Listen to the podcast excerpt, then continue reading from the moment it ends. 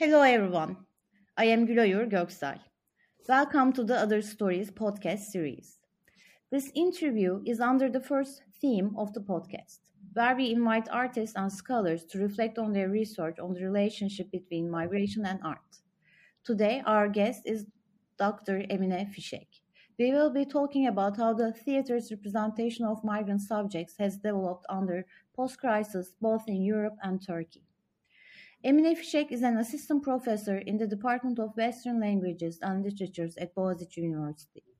She is the author of Aesthetic Citizenship, Immigration and Theater in the 21st Century, Paris, published by Northwestern University Press in 2018, and Theater and Community, published by Red Globe Press in 2019. She has also published articles in Theater Journal, Theater Research International, Text and Performance Quarterly, Comparative Drama, and French Cultural Studies. Her current research is on the impact that cultural memory, urban transformation, and international migration have had on Turkish theater in the 21st century. Hello, Emine Hocam. Thanks for joining us. Thank you. Thank you for having me. Uh, I'm going to begin with my first question. Uh, I had a chance to read a little bit of your uh, books and some articles and in your book titled Aesthetic Citizenship, you argue that changing immigration policies, integration debates, and the role that immigrant body has played in the constructions of Republican subjectivity and national morality were central to evaluating how theater was used to address immigration in France. Mm-hmm. In a more recent piece titled Whose Crisis? Syrian Refugees and the Turkish Stage, published at International Federation for Theatre Research in 2022, through an examination of the theatre play titled Göçmenler, uh, in English, Migrants, which is a Turkish theatre actor and director Genco Erkal's production, you contend that countering the notion of a European crisis with the empirical realities of global migration does not automatically produce alternative representations. So, in a way, the play actually perpetuates and recreates and reconstructs this crisis discourse. So, my first question is Can you please evaluate how theater's representation of migrant subjects has developed, especially after post crisis, both in Europe and Turkey? And can we how can we think of the uh, formal differences of creative discourses through these examples? Okay, sure. That's a great question. Uh, you know, when you ask it in that way, it also makes me think. Um, so the the book that you spoke about, aesthetic citizenship, I wrote that book uh, based on ethnographic research um, that I conducted in France in 2007 2008. Um, and this was a really interesting period because uh, as I was, you know, I was a PhD student at the time in Paris basically very interested in the fact that uh, everywhere I went, I saw both large scale and small theater uh, performances depicting the experiences of, of immigrants, refugees, asylum seekers. I was really interested in why this was happening and also the forms that these uh, that these pieces emerged in. Um, and what was interesting was that at the time, everyone I spoke to began by saying, "We've entered a period of crisis." Um, and what they were referring to at the time was, of course, the election of um, the uh, Nicolas Sarkozy, the center right uh, to increasingly right wing French politician to the presidency, and the fact that he was busily implementing a series of kind of draconian measures, changing regulations around immigration, residency, etc., in France. Um, and at the time, um, it was really interesting to see that a lot of artists were responding with anger to this political shift and wanting very much to put immigrant voices on stage to represent their experiences, the journeys that they had taken to come to France, to arrive in France. But at the same time, they were also um, very interested in using theater in part as a way to prove Sarkozy wrong. Uh, what I mean by that is that um, this kind of big buzzword at the time was intégration, um, a word that I know you've also thought about and written about quite a bit, right? This idea that somehow um, immigrants are not just responsible for um, acquiring uh, gainful employment or uh, legal residency permits, but they're also responsible for um, a kind of cultural acculturation process. This was very much a kind of uh, a buzz, uh, a, a, topic in the air at the time in 2007, 2008. Are these people integrated? Can they become, in quotation marks, French? Um, and so, what I saw interestingly was that when artists were staging migrant stories, they weren't just staging them to demonstrate to the world that these were human beings who had gone through extraordinary experiences, etc. But they were also using theater to demonstrate, look, they're they're like us, right? They're used to this cultural practice. Um, you know, all of the skills that we associate with theater, articulation, coherent self presentation, um, in part, they were also using theater as a way to demonstrate that these kind of candidates for citizenship were quote unquote culturally already French, if that makes any sense. So, so the, there was this interesting thing where theater was both kind of oppositional and meant to kind of resist government policy, but also in some ways it was shaped by government policy and responded to government discourse effectively. Um, so that's kind of what I, I witnessed happening in 2007, 2008. 10 years later, after the so called European refugee crisis of 2015, 2016, uh, of course, the landscape was very different. Um, uh, particularly after 2015, a lot of work emerged across, not just in France, but across Europe, um, that uh, was very much kind of responding to a feeling that Europe was abandoning a historical responsibility to house those in need. Um, and of course, the waves of migration at the time were um, waves resulting from the Syrian civil war, the Arab uprisings. So, migration primarily coming from various parts of the, the Eastern Mediterranean and the Middle East. Um, and the discourse had really changed. I think the discourse that I witnessed, at least in a lot of the the plays and performances that emerged at the time, was that Europe was failing its responsibility to provide basic um, human accommodation and recognize base, the basic human rights of those who were at their borders, essentially uh, seeking entry. So um, this resulted in a whole range of really, really different performances. Um, I was thinking, for example, you know, in um, um, in the UK, for example, uh, there was a very, very uh, powerful performance that emerged called Refugee Tales. Um, that involved artists essentially going on a pilgrimage with refugees seeking asylum in the UK. And essentially, on this pilgrimage, refugees were invited to provide testimonies of what they had experienced during their journey to Europe.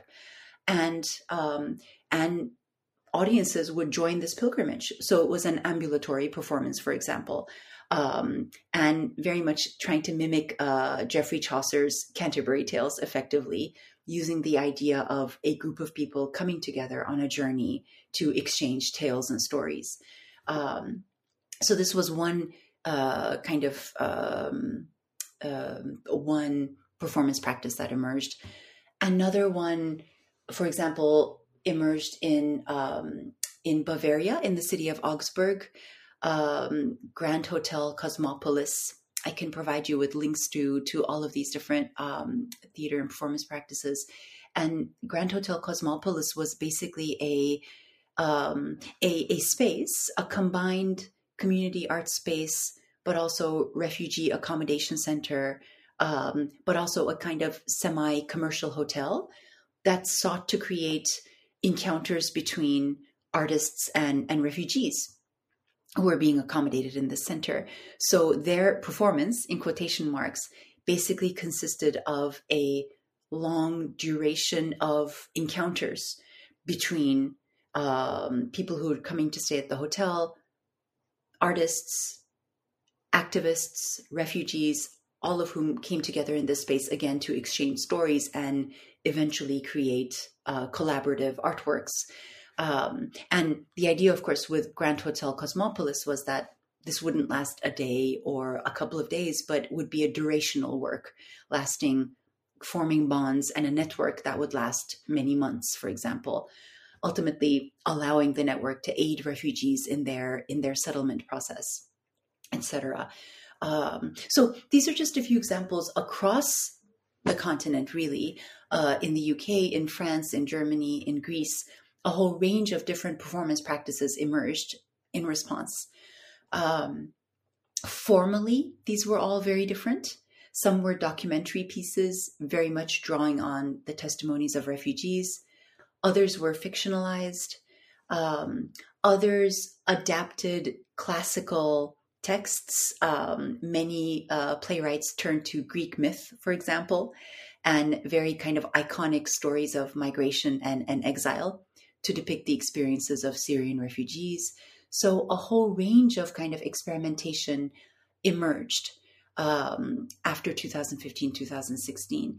And the concern, unlike 10 years before that, was no longer this kind of uh, concern with integration necessarily, but more of a concern with a different sense of crisis, a sense of urgent historical responsibility, a sense of uh, a kind of um, urgent need to provide welcome uh, and hospitality when European governments, again across the EU bloc, were responding with um, uh, with increasingly kind of securitarian measures. So, um, so I guess that's the kind of this is a very long answer to your question, but that's the the big shift that I would say I saw from 2007 and its perceived crisis to 2017, 2018, and the, the crisis that followed, um, the migratory movements of, um, of 2015, 2016. Um, thank you for the great answer. Uh, I was wondering so you said that uh, in the beginning it was more about acculturalization of the migrants. So, yeah, like uh, check this play out and like let us prove that migrants are just like us right? So uh, so the stories were like that but like how the stories change uh, so or the representation of the migrants. So yes it's like more about uh, now the responsibility uh, to care and protect the asylum seekers etc but the migrant himself or the migrant body. So uh, did you also um, recognize a change, yeah. uh, a representation of that, the migrant uh, expression?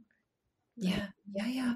I think one big change, um, and of course, I'm making a very general statement, um, but broadly speaking, I would say one kind of key thing that emerged in the work that um, the work that started to emerge after the the European, what we now call the European migrant crisis, was that oftentimes the the host culture was as much a part of the story as the as the um, as the refugee community. Um, so whereas before it seemed as though there was a kind of heavy focus on the narrative of the refugee, the content of that narrative, um, and a whole range of questions around the responsibility to narrate, the responsibility to relay testimony. These all these were all key questions, I think, during the first decade of the 20th century. But in a lot of the work that emerged after 2015, 2016, it seemed there was also a kind of lens turned to the self, the European self, um, and a lot of commentary on the um, either the historical relationship of the host culture to migration, um, or the way in which these new, again, migratory waves got them to think about earlier waves of migration to their country. So that that is something that's that's really interesting. Again, I'm making a very general statement. I'm sure we can think of examples that would maybe kind of disprove this, but um, so, for example, again, an example that comes to mind is in um, an Athens-based um, theater company led by Anestis Azas. Um, they uh, produced a play, a documentary play called Clean City, um, and this actually um, you may have seen it perhaps because it was invited to the Istanbul Theater Festival in 2019, I think. Um, and Clean City was produced right after the, if I'm not mistaken, the again the kind of height of the the refugee crisis. Um, and produced in Greece, so a geographical space that obviously experienced um, this this crisis in a very big way. But the focus of the play is actually on um, women uh, who work as cleaners in the city of Athens and who arrived in Greece as a result of earlier waves of migration from the mid to late 1980s. So, women who arrived from the former, former Soviet bloc, um, women who arrived from uh, Central African states during the 1990s, and who essentially entered into the cleaning profession in Athens. So Clean City is a reference to the kind of the kind of experience that they had in the 80s and 90s, the kind of racisms that they experienced over the course of that time. So so this is interesting, right? All of a sudden on the kind of verge of this new very overwhelming political and, and migratory situation, artists turning to look back at histories of migration rather. Um, so this I thought was again something new in terms of how the representation of migration changed. Um, yeah, I guess that's the first thing that comes to mind. Yeah, it's a huge change actually. Like the very, uh, like the way they actually change the expressions of like the migrant body and the self. Uh, this whole conversation reminded me of uh, our previous podcast with uh, Mihai Floria. Uh, he's a um, Romanian uh, actor living in UK, and he has written a PhD thesis on actors in second language. And uh, the whole dissertation journey, according to him, started with his frustration of how migrants are represented in theater right? On the stage it's very rigid like uh, the actors migrant actors are being hired because they have an accent because right. they like so and he's questioning how uh, like the place of uh, second language actors place in theater etc and i know that you have actually conducted out of field research and interviews yeah. and uh, I was wondering whether you encounter these like migrant actors mm-hmm. playing migrants with their accents and how they actually pursue this change uh, between like you know after 2015 and before like was there a change uh, in hiring uh, second language like my real migrant actors yeah. in theater yeah. in europe yeah yeah yeah that's a great question you know i don't know if i I would have to do some research to be able to give you a kind of bigger picture. Um, but I think that tension was definitely there before and is definitely still there. I mean, on the one hand, and this is, of course, always a kind of question um, surrounding the use of documentary forms when wanting to represent the experiences of um, uh, you know uh, minority communities communities that are historically disadvantaged or underrepresented so on the one hand, of course, um, the the accented actor on stage promises authenticity, right? Um, and that's a kind of um, that's it seems like that's exactly the the tension that your um, that your guest was speaking about. Um, that authenticity is part of the aesthetic experience promised by the by migrant theater, right? In the process, it does mean that it provides opportunities for an actor who has an accent when speaking English to actually be able to like find themselves uh, roles on stage. And at the same time, it becomes a trap, right? Because automatically that accent is then understood to function as a sign of a vague idea of their difference so then difference is the only thing that they're capable of representing effectively. Um, versions of this this tension of this kind of trap happen everywhere effectively. Uh, they happen in france they very much happen in the uk they happen in germany. Um, so um, i think I, I, this is a great question. I have to think more about how this may have changed uh, over the course of that kind of um, that decade. Um, but it definitely remains a, a, a, key issue. Um, yeah. For sure. I, I was just curious. So actually, of course, I'm not an expert. I'm just like an outsider to the field, to the whole theater performance business as well. But I, I I'm just wondering, like the feeling that I get from your uh, articles and academic uh, work and like uh, to other podcast uh, guests uh, where we talk about uh, the connection between art, theater, and migration and living together. I uh, believe that, especially in theater, there's this like a, a kind of a dualistic positioning that you cannot escape. Mm-hmm. So, like in your books, you also actually signal uh, that you know such a thing kind of a paradox exists. So, like on the one hand, there's this emancipatory, creative right. way of expressing something new and critical, but on the other hand, theater cannot escape from perpetuating the very dominant discourse because it's talking to that discourse. So, I was wondering, um, you know, what you think about this. Like, so can you expand on that view? And uh, also, how uh, actually um, this whole creative expression kind of reflected itself in Turkey and in the Turkish theater scene, mm-hmm. especially after uh, you know 2011 when uh, uh, you know the mass flow uh, of refugees started to come into Turkey. Yeah, yeah, absolutely. No, I mean, again, I think it's uh, you you that that's great the way that you put it. So on the one hand, I think automatically, at least this is very much the case in in France, uh, particularly given the kind of um, centralized legacy that theater comes equipped with.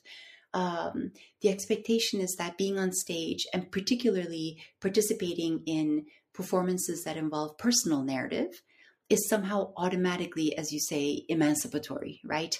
That somehow automatically the ability to share a personal, authentic, um, narrative in the presence of others automatically brings with it empathy and compassion and recognition and ultimately of course in an ideal world some kind of kind of bureaucratic recognition as well. This was a viewpoint that was articulated to me constantly in 2007 2008 um, so what does that mean then? That means that emancipation equals uh, you know refugees asylum seekers being invited to repeatedly bear witness to their own suffering in the presence of others, right? Um, having said that, though, the it's not as though taking the narrative or the story of such an individual, fictionalizing it, and then having it performed by professional actors is automatically a, an ethically sounder solution either, because then we start getting into questions of appropriation or um, you know the co-optation of the the voice of the the person who's actually undergone uh, this experience. And um, in some ways there's no way we can step out of this kind of as you say this dualistic bind. Um, and there's no you know performance that exists anywhere in the world that somehow manages to sidestep all of these questions.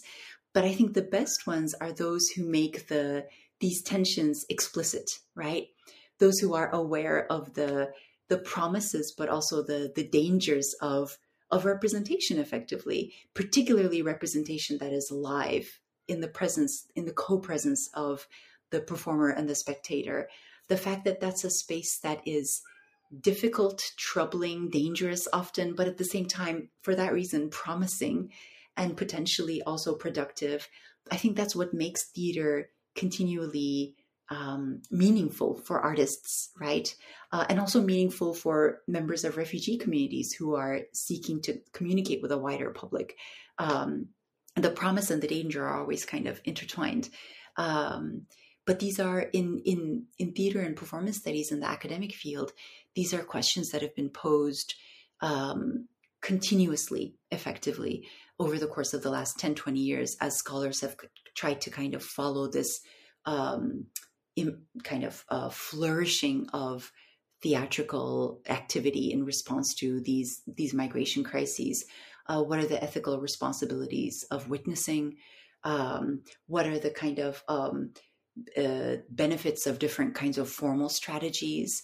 Um, ultimately, is a kind of overly emotional representation is that politically sound or and savvy or is it politically dubious um, these are questions that are debated endlessly and with no one kind of answer attached to them effectively the the answer will change based on on context on the larger kind of political situation in which the artists are working.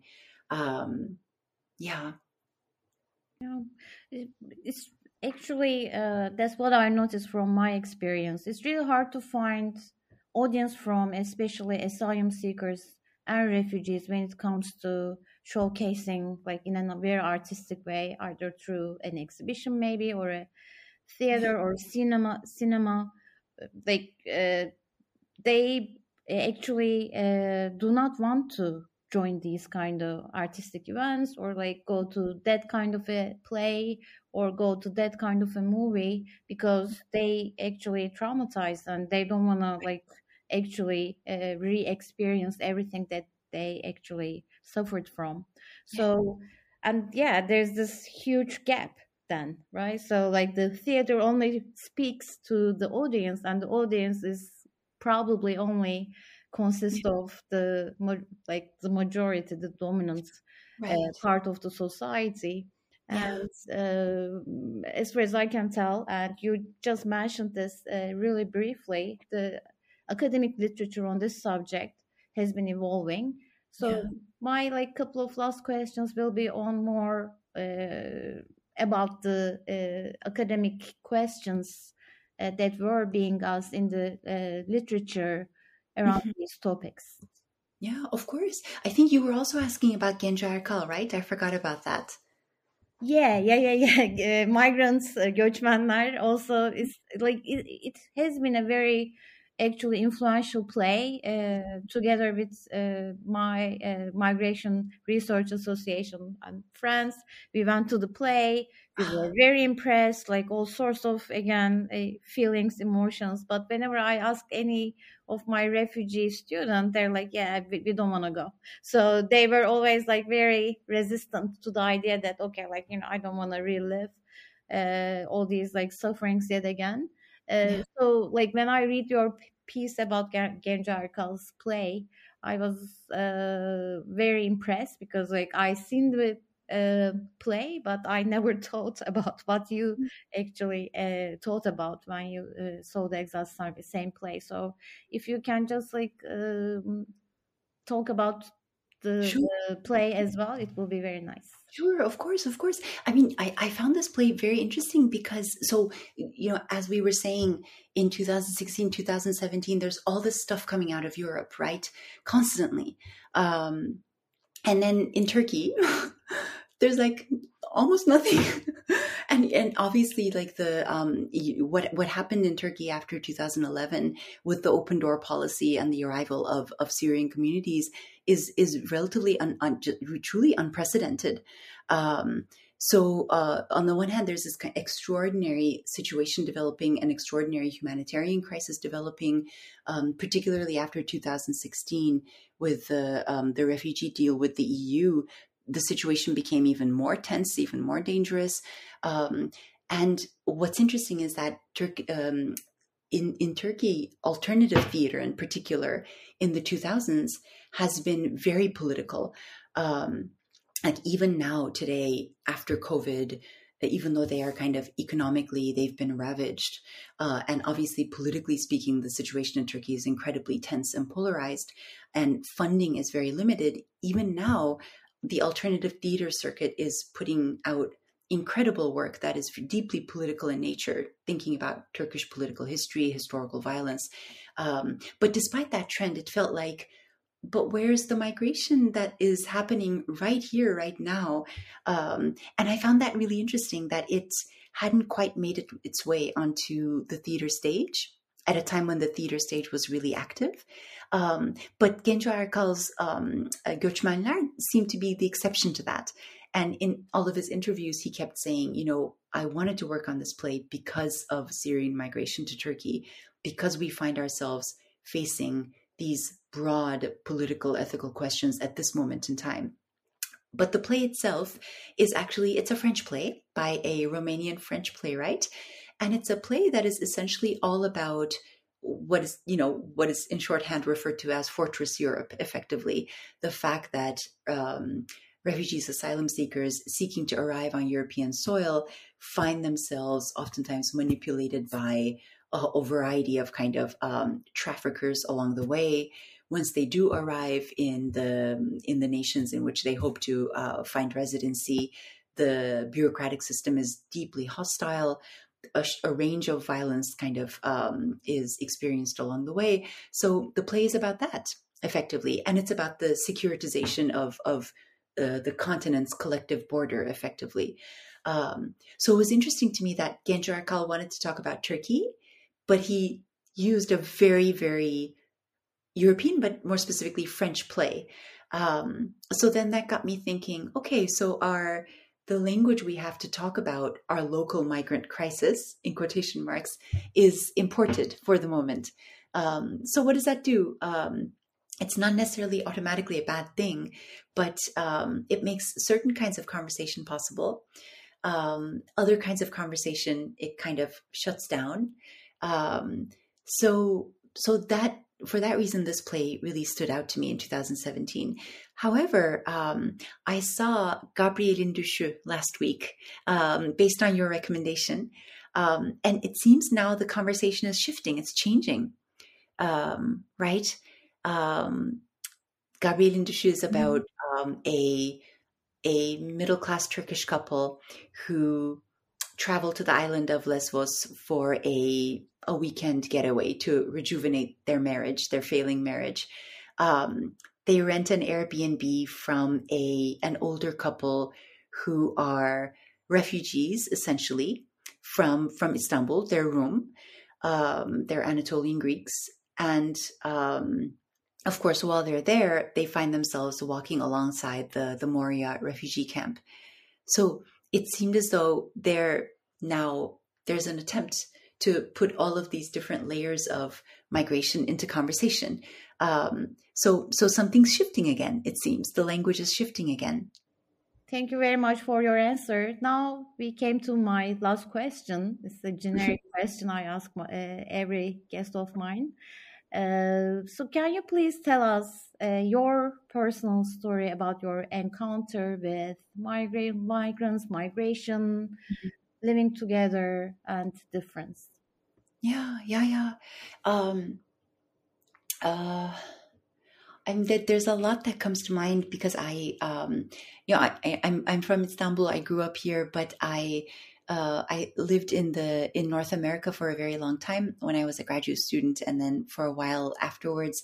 So, um, so in terms of encountering, you know, um, feeling different, but also encountering difference, there I have a lot of experiences. But but the the, the first thing that comes to mind is that in um, when I was doing the the research for this book that we spoke of in France, I interviewed a lot of individuals who were themselves migrants and also artists.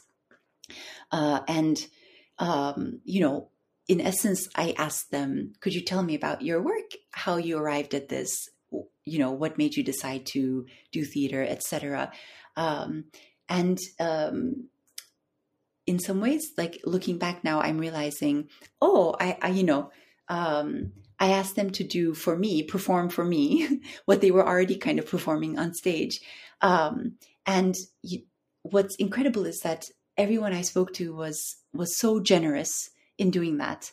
Um, generous and willing and open and and warm. Uh, everybody invited me into their their homes immediately. Um, you know, I was a complete stranger, um, and nobody refused an interview request. I did many, many, many of these. Um, so I guess it, it, for me, it's a good reminder that, um, uh, yeah, like academic work, it um, it kind of rests on the the labor of a lot of these generous people. I guess let me put it that way. Um, without them, I couldn't have produced this work, and um, yeah. Anyway, I guess that's the the first thing that that kind of uh, that comes to mind. So um, another way of saying, I guess, thank you to to everyone who you know agreed to speak to me. yeah, we should thank everyone who uh, is willing to talk with us, the academic. I know. and there are, yeah, they are willing to my surprise as well. Uh, like, let's keep our fingers crossed that it's gonna stay that way. By the way, I know, especially you know when we have the luxury of asking these theoretical questions, mm-hmm. right? And taking time to reflect, and it, it's increasingly a luxury. Um, so, yeah, I feel very grateful.